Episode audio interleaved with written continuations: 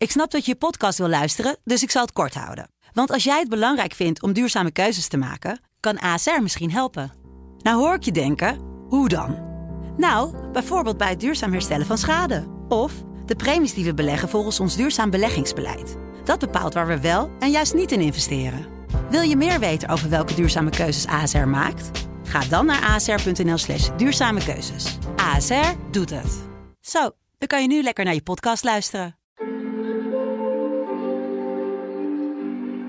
Coronajaar 2020 lag overhoop.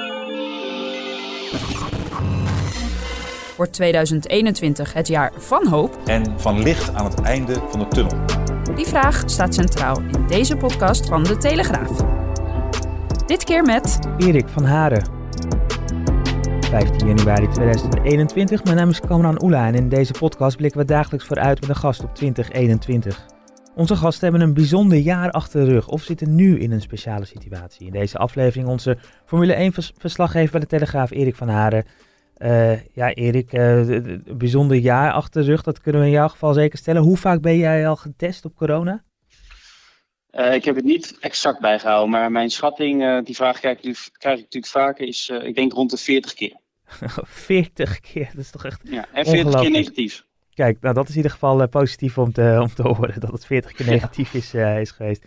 Want nou, je bent onze Formule 1 eh, watcher. Eh, normaal gesproken ben je dan ook bij vrijwel alle races ook aanwezig. Ehm, nou, afgelopen jaar is natuurlijk een, een raar jaar, maar uiteindelijk was je bij veel races aanwezig. Kan je, je hebt het al vaker verteld, maar toch nog, voordat we vooruit gaan blikken op dit jaar, toch nog heel even terugnemen in dat jaar dat achter ons ligt. Hoe gaat dat voor een journalist zo rond de Formule 1? Ja, wij zijn gewend normaal gesproken in de oude situatie dat we eigenlijk heel veel toegang hebben. Dat we de paddock hebben, alle garages en hospitality ruimtes van de team staan. Dat wij daar kunnen komen, dat je mensen kan ontmoeten. Ja, dat je heel veel vrijheid hebt, dat je voor een race zelfs op de startgrid mag staan. Hè, tussen de auto's en alle teambazen en coureurs. Ehm, nou, de, de eerste race in Australië in maart werd eigenlijk een paar uur voor de eerste vrije training ehm, ja, gecanceld. Vanwege het coronavirus. En toen begon het hele circus pas weer in juli. Nou, ik zeg al pas, maar eigenlijk was het ook alweer eh, eigenlijk de eerste grote mondiale sport eh, die weer van start ging. En ja, toen was alles anders, alles veel beperkter. Eh, wij zaten als journalisten eigenlijk vooral in het mediacentrum. Maar ja, als je een beetje creatief nadacht, kon je echt nog wel verhalen maken en laten zien dat je daar was. En, en de eerste drie races, twee keer in Oostenrijk, één keer Hongarije, was ik ook de enige Nederlandse verslaggever. Eh, maar ja, dat was, ja, je moet overal een mondkapje op, looproutes, zoals we dat nu allemaal kennen. Maar dat was nu toen allemaal natuurlijk eh, nog best wel bijzonder. Ehm, ja, eh, met mensen later in het seizoen kon je ook al face-to-face of eh, ja, kapje tot kapje, zeg maar, met, met mensen afspreken. Alleen eh, ja, wel met anderhalf meter tussen, maar dat praat toch wel eh, makkelijker dan al die Zoom-sessies die we natuurlijk hebben gehad. En ja, het seizoen werd afgesloten op een hele bijzondere manier in Bahrein en met name Abu Dhabi. Want ja, dat was echt een soort, ja, dan zat je echt helemaal geïsoleerd. Zoals we binnenkort ook misschien bij de Australian Open met het tennis gaan zien in eh, Australië. Hè? Dat je echt een soort, echt een, ja, we hebben het veel over bubbels tegenwoordig, maar dat was nou echt een ja, bubbel 2.0. Waar je echt verder buiten het Formule 1 personeel, dat zijn toch ongeveer 1300 mensen in totaal, Nee. dat je verder echt helemaal niemand zag. En dat was eigenlijk al gewoon vanaf aankomst op de luchthaven tot en met vertrek. Alles was eh, afgezet. Terminals waren speciaal voor ons. eh, noem maar op. Speciale charters tussen Bahrein en Abu Dhabi. Eh, ja, dat was al heel exceptioneel. En dat aan de ene kant had het ook alweer wat. Want je kwam wel heel veel mensen tegen buiten, buiten de baan, zeg maar. Alleen, ja, ik begrijp wel. Daar waren ook alweer wat meer opties. We konden ook weer coureurs spreken na afloop in, de, in het weekend. eh, gewoon face-to-face buiten. Eh, en ik begrijp ook wel dat ze dat komend jaar willen gaan doen. Ze hebben natuurlijk ook veel opgestoken wat dat betreft. En eh, ja, ik, ik vind toch als je in een krap half jaar tijd 17 races kan organiseren.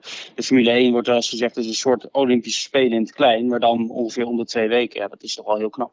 Ja. Ehm, je noemt het net al, dat op een gegeven moment kon je wel wat vaker met, met, met, met mensen spreken.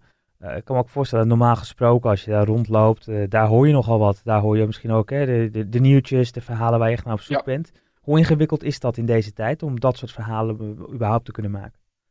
Ja, veel moeilijker. Omdat, kijk, uh, een interview uh, via Zoom of, of een officieel interview in de paddock, als je tien minuten of een kwartier met de coureur hebt, dat verschilt niet zo erg. Maar het, vind ik, het, het werk van een journalist, uh, zoals ik, is toch dat je veel off-the-record informatie, zoals ze dat noemen, verkrijgt. En dat is toch als je met mensen een babbeltje maakt en ze tegenkomt. Nu heb ik natuurlijk wel mijn bronnen, die ik dan nu vooral via de telefoon spreek. Alleen dat is toch minder uh, vrijblijvend en minder makkelijk en, en, en, nonchalant, zeg maar, dan, dan je normaal doet. Maar op zich gaat het wel. En op een gegeven moment word je er ook handiger in. Hè? De regels gelden alleen voor in de paddock, dus ja, binnen de poorten.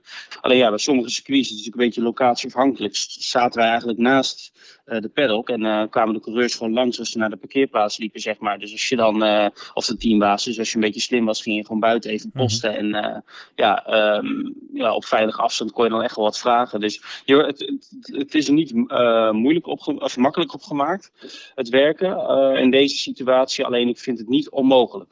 Nee, um, dat is dan het werken. Ik kan me ook voorstellen dat normaal gesproken rondom het vak van Formule 1 volgen uh, toch weet je dat beeld hangt hè, de hele wereld over elk jaar. Uh, bijna een soort wereldreis maken. Uh, nou, tussen de races door heb je misschien ook nog een paar dagen dat je ergens bent. Je ziet nog wat van de wereld. Ja. Ik weet niet eens of dat beeld in het normaal klopt, maar nu is dat denk ik helemaal weg hè? Ja, normaal is het net vakantie natuurlijk. Uh, ja, nu was het natuurlijk veel minder. Ik, ik weet nog wel goed, in de, die eerste drie races uh, deed ik zelf en heel veel collega's, we waren maar met twintig man of zo, ja. van de schrijvende pers, deden we best wel wat, ja, als je dan buiten het circuit kwam, in Oostenrijk en uh, Hongarije in mindere mate, merkte je eigenlijk niet zoveel van het virus. Daar hoefden mensen eigenlijk nergens mondkapjes op. en later in het seizoen werd dat natuurlijk meer. maar je had nog wel wat locaties in Bahrein en zo, daar waren de restaurants open en Abu Dhabi ook in onze, in onze bubbel. Ja, dat zijn allemaal dingen, ja, dat je toch wel een beetje gezellig hebt met elkaar. Want het zijn natuurlijk wel, uh, je bent toch, uh, ja, die eerste triple header, zoals ze dat noemen, die laatste weer gewoon drie weken van huis. Uh, maar ja, verre reizen, dat zit er natuurlijk niet in. Hè. Bahrein en Abu Dhabi waren de enige buiten Europa. En daarom is het ook heel logisch dat ze voor, voor dit jaar, 2021, waarin ze wel heel ambitieus zijn met uh, een record aantal races, dat ze toch uh, vooral eerst beginnen naar Bahrein, de opener, vooral in Europa te blijven. Want verre reizen, die hebben ze allemaal opgeschoven naar de tweede helft van het seizoen. Mm maar goed, kijk, ik ben er om te werken en dat is niet makkelijker geworden. En alle dingen eromheen zijn ook, zijn sowieso, je maakt lange dagen op het circuit, mm zijn sowieso misschien niet zo rooskleurig als mensen soms doen vermoeden. Maar je hebt gelijk, normaal heb je natuurlijk wel wat meer ja, bewegingsvrijheid. En dan een, een, onderwerp wat dan ook steeds de revue passeert. En als we naar dit jaar kijken, dan gaat het ook weer gebeuren. Die triple headers, zoals dat dan heet. Dat, ja. Ik geloof dat er dan drie weekenden achter elkaar geraced wordt. Hè? Dan, dan, heet het, dan is het een triple ja. header. Dat was vorig ja. jaar vier keer het geval, maar ook dit jaar weer drie keer op het schema. Hoe pittig is dat voor, voor jou, maar ook gewoon überhaupt voor, dat, voor al die 1300 mensen die betrokken zijn? Ik denk dat het is het zwaarst voor de monteurs en voor de mensen die het circuit moeten opbouwen en afbreken. Kijk, teambazen die komen vaak pas op donderdag en soms zelfs op vrijdag op het circuit, coureurs ook, uh, journalisten ook. En zij zijn er al vaak een dag of twee dagen eerder. Uh, dat moet je niet vergeten. Um, dan is het natuurlijk ook zo, je hebt natuurlijk verschillende triple headers. Uh, na, maar, maar, ik vind het wel een heftig signaal dat na de zomerstop zijn er drie achter elkaar. Kijk, de eerste is België, Nederland. Hopelijk uh, hè, gaat dat door met volle tribunes. En Italië, dan kun je tussendoor natuurlijk gewoon terug. Uh, zoals ik. En Spanje, of België en Nederland is natuurlijk vlak bij huis. Dus ja, dat, dan kun je op zondagavond in huis. Um, maar ja, je hebt natuurlijk ook een paar, uh, ja, Rusland, Singapore, Japan uit mijn hoofd. En dan uh, Amerika, Mexico, um, Brazilië. Ja. dat is natuurlijk best wel uh, pittig. En uh, ja, Max Verstappen heeft ook al een gevleugelde uitspraak van hem. Is als we zo doorgaan met die kalenders, hè, met, met zoveel races en zoveel triple headers, dan kunnen onze monteurs wel alvast scheidingspapieren aanvragen. ja, je moet maar bij sommige monteurs, die zijn denk ik, ja, de, die tweede helft van het seizoen, de, de dagen dat ze thuis zijn, gedurende het seizoen zijn denk ik dan twee handen te tellen. Ja, ehm, ja en, en hun vrouw, familie zullen wel wat gewend zijn, hè, maar ja, je moet het toch uh, thuis maar zien uit te leggen dat je zoveel van huis bent. Ja, en dan moet je ook nog maar hè, bijvoorbeeld in Europa wonen, waarbij dat een beetje in het midden ligt. Als je ook nog uh, een, een, monteur uit Australië bent, dan uh, zit dat, is dat helemaal ingewikkeld. kan ik me zo, ja, en, zo voorstellen. Ja. ja. Ja, en nu natuurlijk met, het, met de huidige coronavariant in, in Engeland. Hè. Mm. Zeven van de tien Formule 1 fabrieken staan, staan mm. in Engeland. Dus dat maakt het allemaal niet makkelijk. En eh, ik moet wel zeggen, de Formule 1 heeft laten zien dat ze goed kunnen plannen en een kalender kunnen samenstellen. Maar ik vind deze wel heel ambitieus. Ja. En uh, ja, het worden, kijk, die monteurs maken zulke lange dagen. Zijn die ochtends vroeg, s'avonds laat. Als, als een coureur een auto in de pak rijdt, dan werken ze ook als een hele nacht door om die auto weer te repareren. Ja, uh, ja ik snap, je werkt op adrenaline. En als, een, als je een goed weekend hebt, sportief gezien, dan werkt het allemaal wel weer positief. Maar uh, ja, je moet dat niet, uh, ik denk dat je dat zeker niet moet onderschatten. En dan hebben de teambazen, de, de bazen van de sport, die hebben dan nog niet zoveel te klagen. Want uh, wat ik al zei, die vliegen pas laat en vaak met vier privéjets in. Precies. Um, ja, dan zijn we dus ook echt wel vooruit aan het blikken. Dat doen we nu al met die triple headers, maar even op een andere manier ook. waar kijk je het meest naar uit? September, Nederland?